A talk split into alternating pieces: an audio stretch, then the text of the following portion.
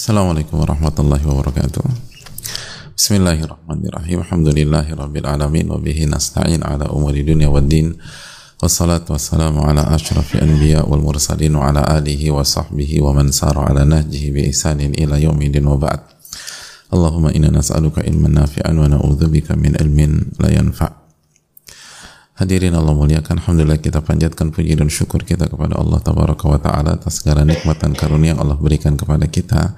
Sebagaimana salawat beriring salam semoga senantiasa tercurahkan kepada Rasulullah alaihi salatu wassalam beserta para keluarga, para sahabat dan orang-orang yang istiqomah berjalan di bawah naungan sunnah beliau sampai hari kiamat kelak.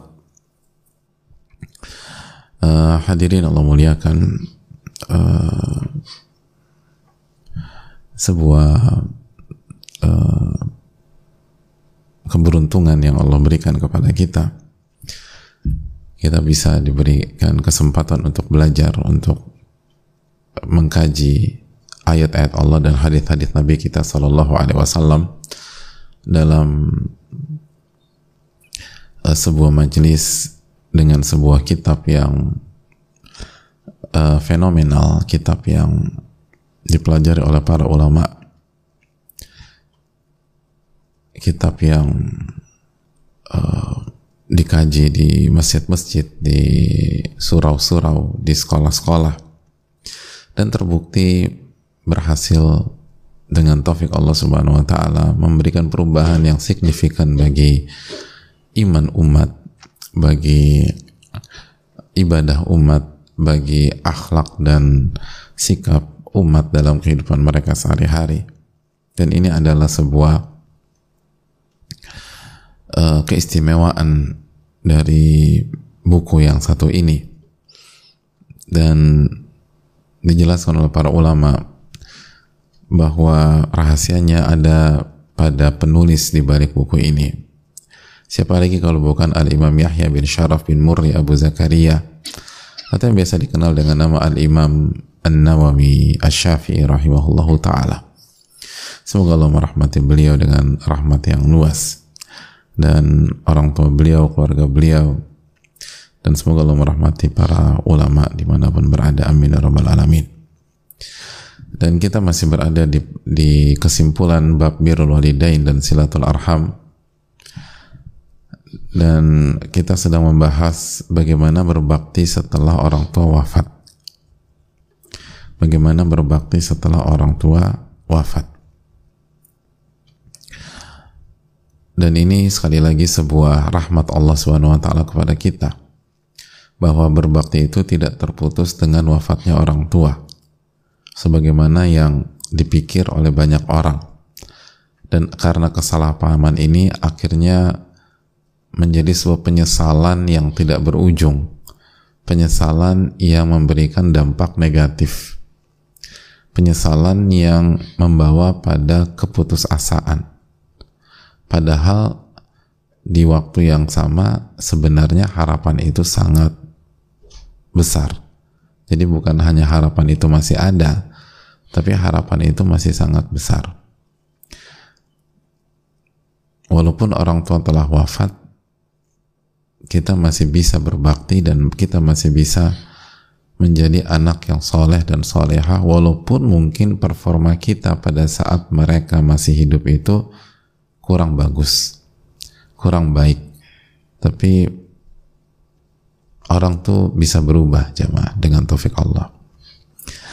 Dan kita nggak pernah tahu kapan orang itu berubah. Bisa jadi orang itu berubah setelah orangnya orang tuanya wafat. Atau saat orang tuanya hidup tapi kebersamaannya dengan orang tua nggak ada. Atau sangat singkat. Maka hadirin Allah muliakan uh, inilah yang diberikan kepada kita dari Rabbul Alamin. Kita sudah jelaskan beberapa hal kita akan lanjutkan dengan poin berikutnya. Dijelaskan sebagian para ulama di antara berbakti kepada orang tua setelah mereka wafat adalah al-i'tirafu bi fadlihima wa thana'u alaihima yaitu mengakui keutamaan dan kebaikan orang tua dan memuji orang tua kita. Jadi mengakui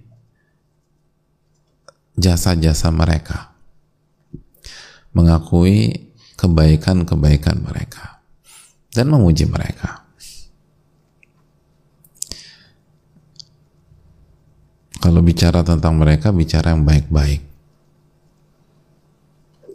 Kecuali mungkin ada maslahat syar'i atau ada kondisi yang dibenarkan oleh syariat. Itu pun uh, apa sifatnya kasuistik aja. Dan di sisi lain kita pun tetap menyebutkan keutamaan mereka, kebaikan mereka dan puji mereka. Gitu loh. Karena ini hukum asal memuji dan mengakui jasa-jasa mereka. Hadirin Allah muliakan. Eh, dari Abu atau dari Abi Murrah. Dari Abi Murrah. Dan Abu Murrah ini maula Ummu Hani maula Ummi Hani binti Abi Talib Ummu Hani ini anak perempuannya Abu Talib. Abu Murrah menyampaikan annahu rakiba ma'a Abi Hurairah. Beliau pernah jalan bersama Abu Hurairah. Naik satu kendaraan. Ila ardihi bil aqiq. Pergi ke uh, sebuah tempat atau lokasi yang bernama Al-Aqiq فَإِذَا دَخَلَ أَرْضَهُ صَاحَ بِأَعْلَى صَوْتِهِ Nah ketika Abu Hurairah sampai ke tanahnya, ke tempatnya, maka Abu Hurairah mengucapkan sebuah mengucapkan dengan lantang Assalamu alayki wa rahmatullahi wa barakatuh ya ummatah jadi mengucapkan salam dengan suara lantang. Assalamualaikum warahmatullahi wabarakatuh ya ummata. Ya. Assalamualaikum warahmatullahi wabarakatuh wahai ibuku. Wahai ibu, ibuku. Taqulu wa alaikassalam warahmatullahi wabarakatuh. Maka ibunya menjawab waalaikumsalam warahmatullahi wabarakatuh. Lalu Abu Hurairah mengatakan, Rahimakillahu kama rabbaitini sagira. Semoga Allah merahmatimu wahai ibu, sebagaimana engkau telah mendidikku di saat aku kecil. Jadi rahimakillahu kama rabbaitini kama rabbaitini sagira. Semoga Allah merahmati engkau yang telah atau sebagaimana engkau telah mendidik aku dari kecil atau pada saat kecil. Fataqulu ya bunayya wa anta fajazakallahu khairah wa radiya anka kama barartani kabira. Lalu ibunya mengatakan, Ya bunai, wahai anakku, begitu juga dengan engkau. Gitu. Begitu juga dengan engkau fajazakallahu khaira. Semoga Allah memberikan pahala yang banyak bagi engkau atau memberikan kebaikan dan membalas engkau dengan kebaikan. Wa anka dan semoga Allah ridho dengan engkau. Kama barartani kabira sebagaimana engkau telah berbakti kepadaku di saat engkau dewasa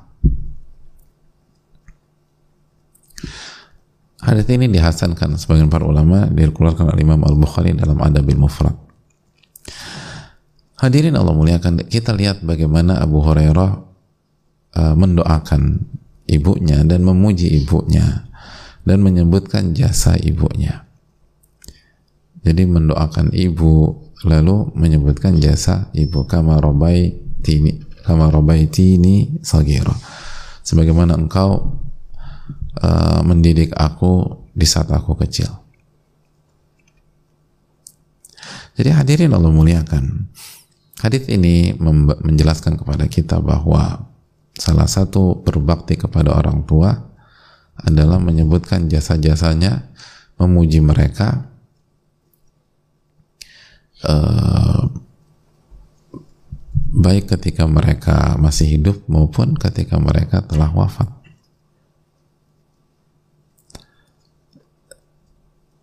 Itu hal yang penting. Nah, hadirin Allah muliakan. Lihat bagaimana sikap Abu Hurairah. Pertanyaannya simpel hadirin. Memangnya ibunya Abu Hurairah nggak punya kesalahan ya? Nggak punya dosa gitu. Dan kita tahu bahwa Abu Hurairah kan bukan bukan uh, muslim dari lahir. Beliau masuk Islam. Maka tentu saja cara mendidiknya memangnya sempurna? Enggak kan? Tapi lihat bagaimana Abu Hurairah tidak mengangkat atau tidak memention sisi itu. Tapi mengangkat sisi kebaikan dari orang tuanya, ibunya. Kama robaiti ini sagira. Sebagaimana engkau mendidik aku di saat aku kecil. Di saat aku kecil. Jadi hadirin Allah muliakan. Ini memberikan pelajaran bagi kita bagaimana setiap orang tua kita ini pasti punya kesalahan pasti punya kekeliruan dan termasuk kekeliruannya atau kesalahannya dalam mendidik kita tapi kalau kita ingin menjadi hamba yang soleh atau hamba yang soleha. Itu yang pertama. Lalu kita ingin menjadi anak yang baik yang berbakti maka lihat agama kita Allah dan Rasulnya alaihi salatu wassalam mengajak kita selalu melihat sisi baik dari orang tua kita. Melihat dari sisi kebaikan orang tua kita. Yang nantinya diharapkan ini menjadi pola pikir kita untuk yang lain gitu loh. Kalau ngeliat orang itu ngelihat sisi baiknya. Dan melihat sisi baik orang itu bukan berarti menutup mata dan membenarkan semua yang ada pada dirinya. Atau menutup mata dan membenarkan kesalahan-kesalahan orang tersebut. Salah ya salah. Bahkan bukan salah ya salah aja. Kalau kita bisa ingkari, luruskan, benarkan, luruskan. Maka itu masuk ke bab amar ma'ruf nahi mungkar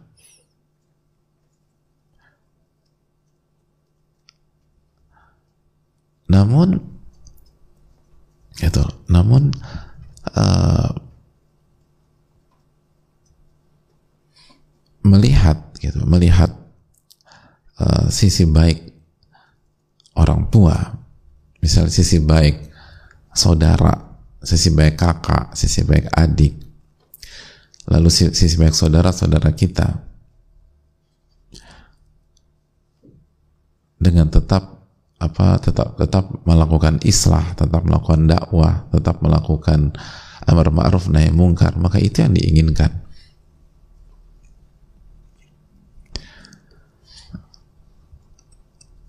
Dan itu menunjukkan kebaikan hati seseorang. Dan itu kan yang dirasa oleh para sahabat ketika berinteraksi dengan Rasulullah Sallallahu Alaihi Wasallam. Makanya karakter mereka demikian.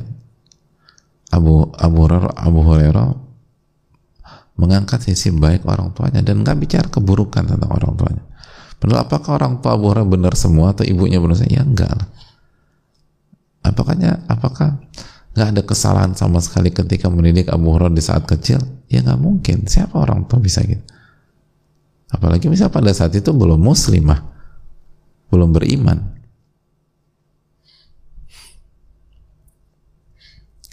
Oleh karena itu hadirin Allah muliakan, ini pelajaran besar.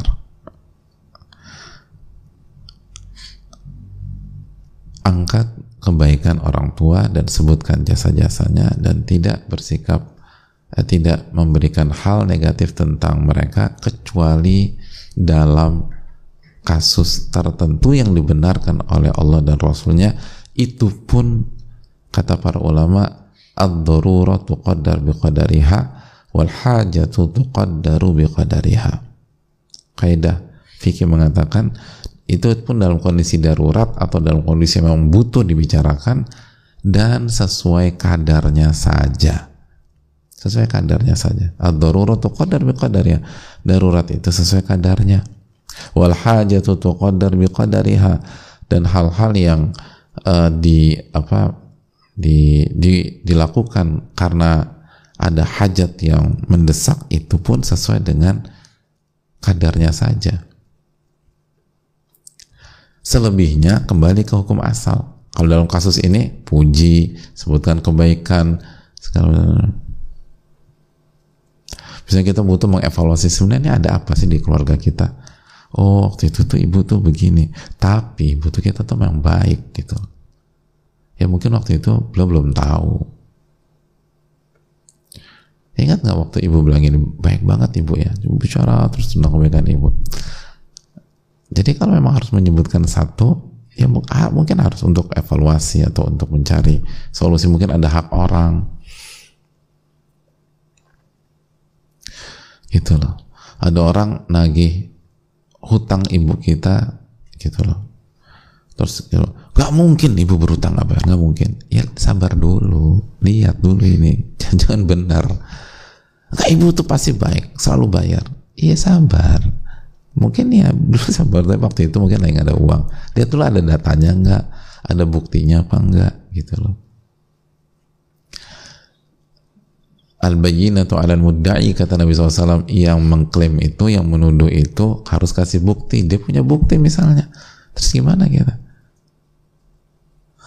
gitu jadi hadirin Allah muliakan ada ada beberapa kasus seperti itu tapi intinya adalah bagaimana seorang anak itu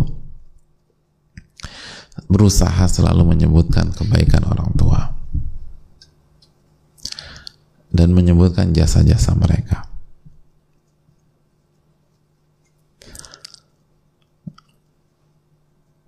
Dan semakin menunjukkan loyalitas anak kepada orang tua dan kejujuran anak kepada orang tuanya ketika itu tetap dilakukan walaupun orang tuanya telah wafat. Ada orang ada anak bicara baik yang baik-baik tentang orang tua karena nggak berani sama orang tuanya takut sama orang tuanya. Orang tuanya galak jahat atau orang tuanya tuh punya kedudukan.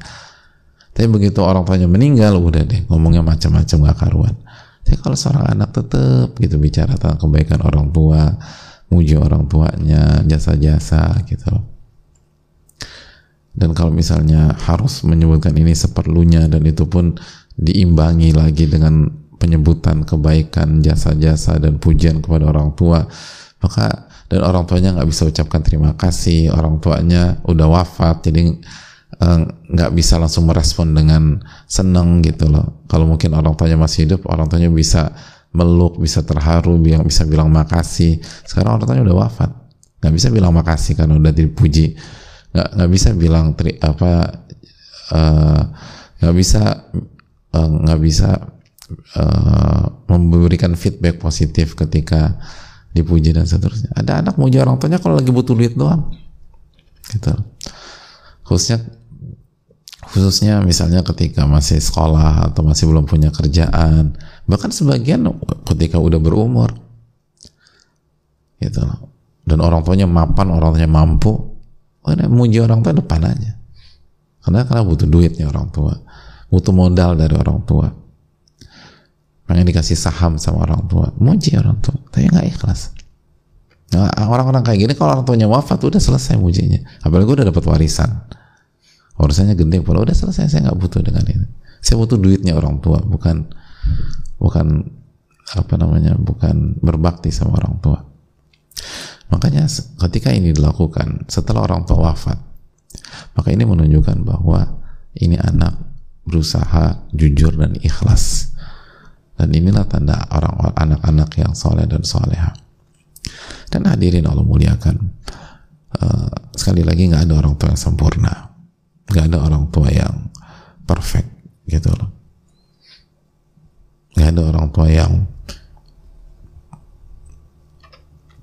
uh, bisa lakukan itu semuanya.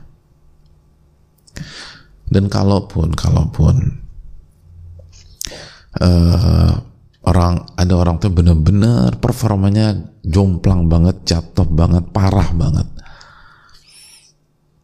Sehingga bisa jadi memang misalnya ada banyak di masyarakat kan. Kata, anaknya saya ngerti Ustadz. Saya ngerti bahwa nggak ada orang tua yang sempurna tapi orang tua saya udah parah banget gitu. Dia ninggalin kita. Kita nggak usah bicara sempurna. Nggak sempurna tuh bisa dapat 9 bisa dapat 9,5 bisa dapat mana ini dia ninggalin gitu.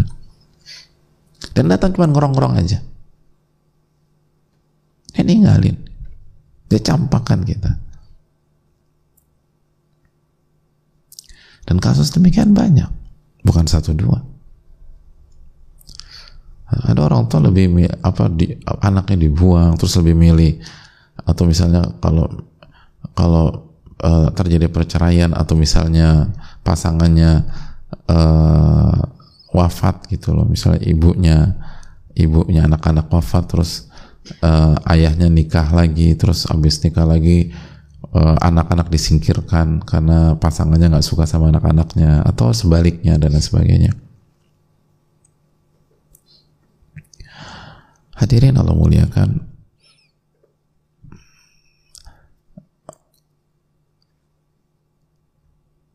Anggap saja seperti itu. Anggap saja seperti itu. Maka apakah kita tetap menjaga lisan kita dan tidak menyebutkan keburukan-keburukan orang tua? Jawabannya ya. Sekali lagi kecuali kalau ada ada kondisi yang dibenarkan oleh syariat. Kenapa demikian? Karena Nabi SAW bersabda, "Man kana yu'minu billahi wal yawmil akhir falyaqul khairan aw liyasmut." Barang siapa yang beriman kepada Allah dan uh, beriman kepada Allah dan hari kiamat maka hendaknya berkata baik atau diam berkata baik atau diam. Hendaknya berkata baik atau atau diam. Jadi ini bukan tentang orang tua kita baik atau buruk. Anggap aja orang tua kita buruk gitu. Tapi ketika kita mengucapkan kalimat-kalimat yang buruk Penyebabnya bukan karena orang tua kita buruk, tapi penyebabnya karena masalah kita dengan iman. Masalah kita dengan iman. Masalah kita dengan iman kepada Allah Subhanahu wa taala dan iman kepada hari kiamat. Itu kendalanya.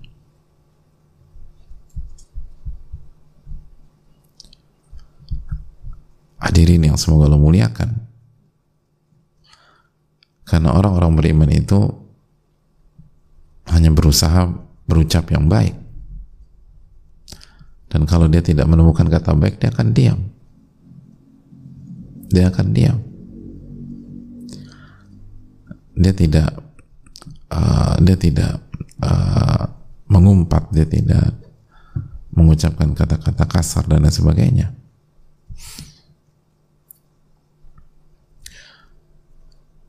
Makanya kan Nabi kita alaihi salatu wassalam sebagaimana disampaikan oleh atau dari Anas, hadis Anas bin Malik. Yang dikeluarkan Imam Bukhari apa kata? Lam yakuni Nabi SAW sababa Nabi SAW bukan orang yang suka mengumpat. Wala fahasha. Dan Nabi SAW bukan orang yang suka mengucapkan kata-kata kotor. Kata-kata kotor, kata-kata cabul, kata-kata yang nggak baik. Wala la'ana. Dan Nabi SAW nggak pernah melaknat orang lain.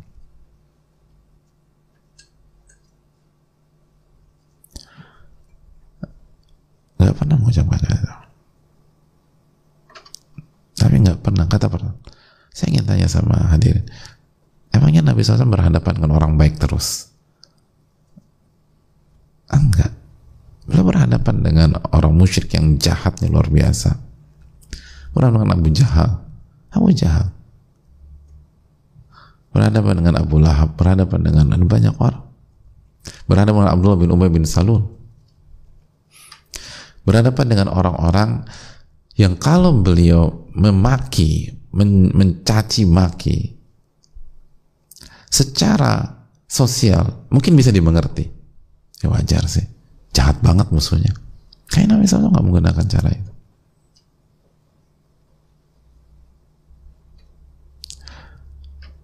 Padahal beliau, beliau ketemu dengan banyak orang yang yang bisa beliau jadikan alasan untuk memaki orang tersebut sebagai justifikasi.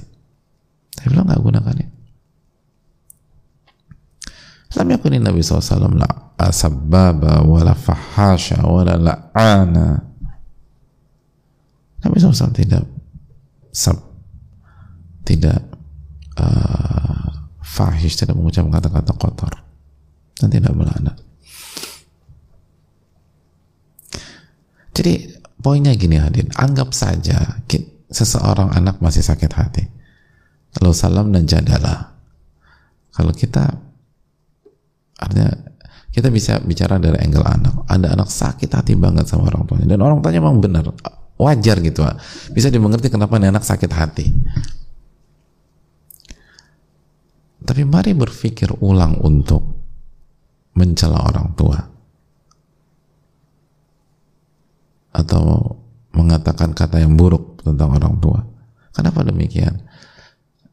Karena ketika kita mengucapkan kata yang buruk itu menunjukkan masalah pada iman kita. Dan itu nggak ada sangkut pautnya sama orang tua pada pada term itu ya gitu loh. Dan orang tua akan dihisap kok sama Allah Subhanahu wa taala. Akan ditanya sama Allah Subhanahu wa taala. Karena bisa saya mengatakan kulukum ra'in wa kulukum mas'ulun ar Setiap Anda adalah pemimpin dan setiap Anda akan ditanya tentang orang-orang yang Anda pimpin. Wal mar'atu ra'iyatun mas'ulatun an baiti zawjiha wa auladi. Seorang wanita adalah penanggung jawab masalah rumah dan anak-anak dan akan ditanya oleh Allah tentang masalah rumah dan anak-anak. Orang tua akan ditanya. Jadi udah nggak usah nggak usah masuk ke ranah itu, gitu. Kita fokus ke ranah kita aja.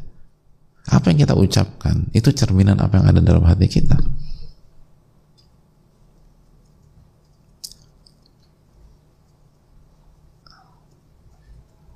Jadi ada banyak anak, banyak nggak saya udah nggak saya jangan sebut nama dia lagi. Saya nggak peduli, saya masing-masing aja. Oke, kalau masing-masing, masing-masing lah secara elegan. Di hari kiamat kita juga masing-masing. Dan Allah akan hisap hati kita. Ilaman atallah biqalbin salim. Kecuali orang yang datang kepada Allah dengan hati yang bersih.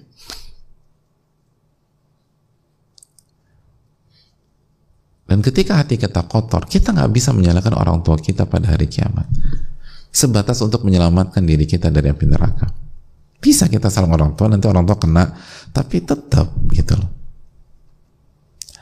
Kenapa? Karena bukan Allah sudah memberikan, menyampaikan, uh, menurunkan kitab suci kepada kita untuk kita untuk untuk memperbaiki hati kita.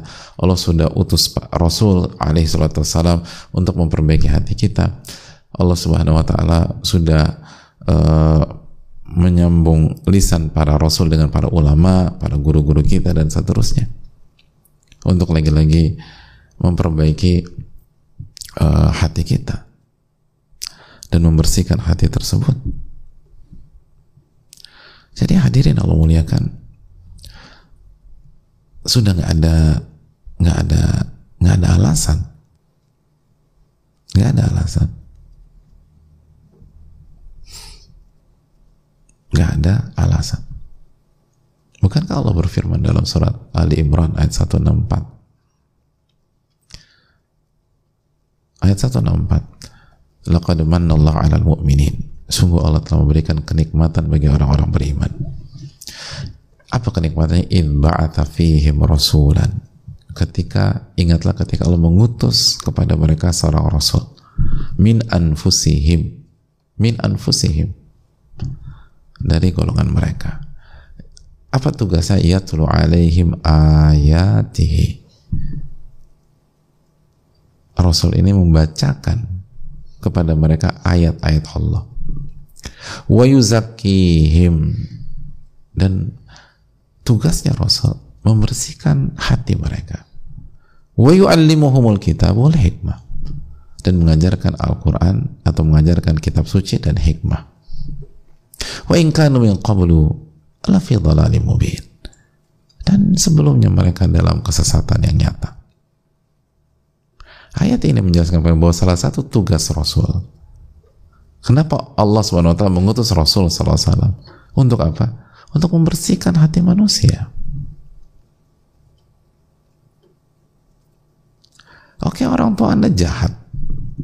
Saya bukankah Allah Subhanahu Wa Taala sudah mengutus Rasul? Anda sudah anda anda mengenal Rasul Anda SAW, Anda bisa pelajari sunnah Nabi SAW, Anda bisa kaji sunnah Nabi SAW, dan Anda bisa amalkan sunnah Nabi SAW. Dan kalau Anda kaji sunnah Rasul SAW, Anda pelajari sunnah Rasulullah SAW, dan Anda amalkan dan implementasikan dalam kehidupan Anda, maka hati Anda akan bersih. Karena itulah tugas utama seorang rasul. Wa.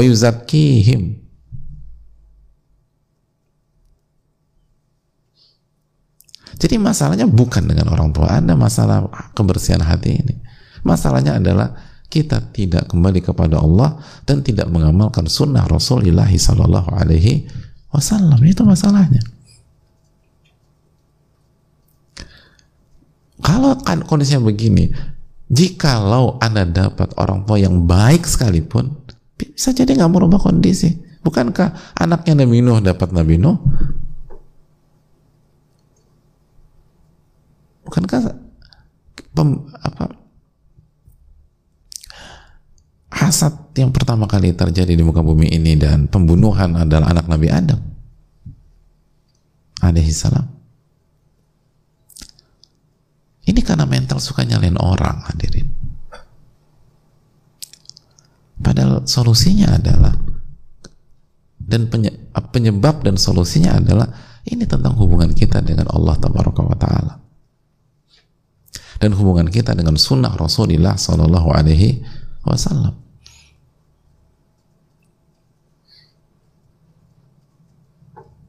Allah taala bisawab.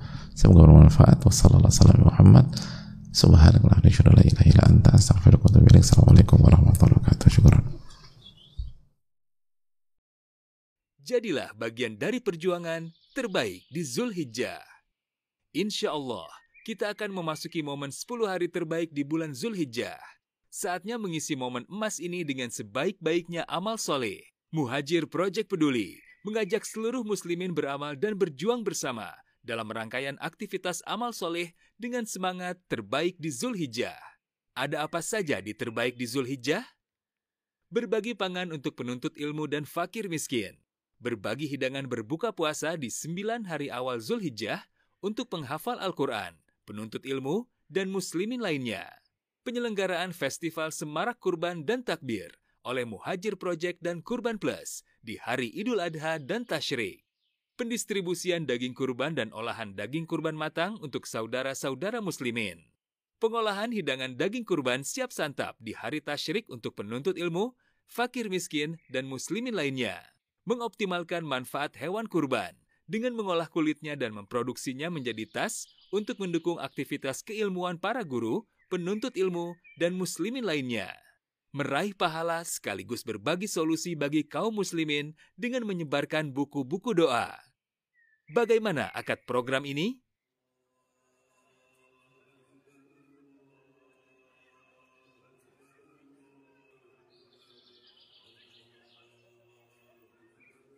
Jadilah bagian dari perjuangan amal di terbaik di Zulhijjah. Sampaikan sedekah terbaik kita melalui CIMB Niaga Syariah 8600 1383 1800 atas nama Muhajir Peduli Indonesia. Muhajir Project Peduli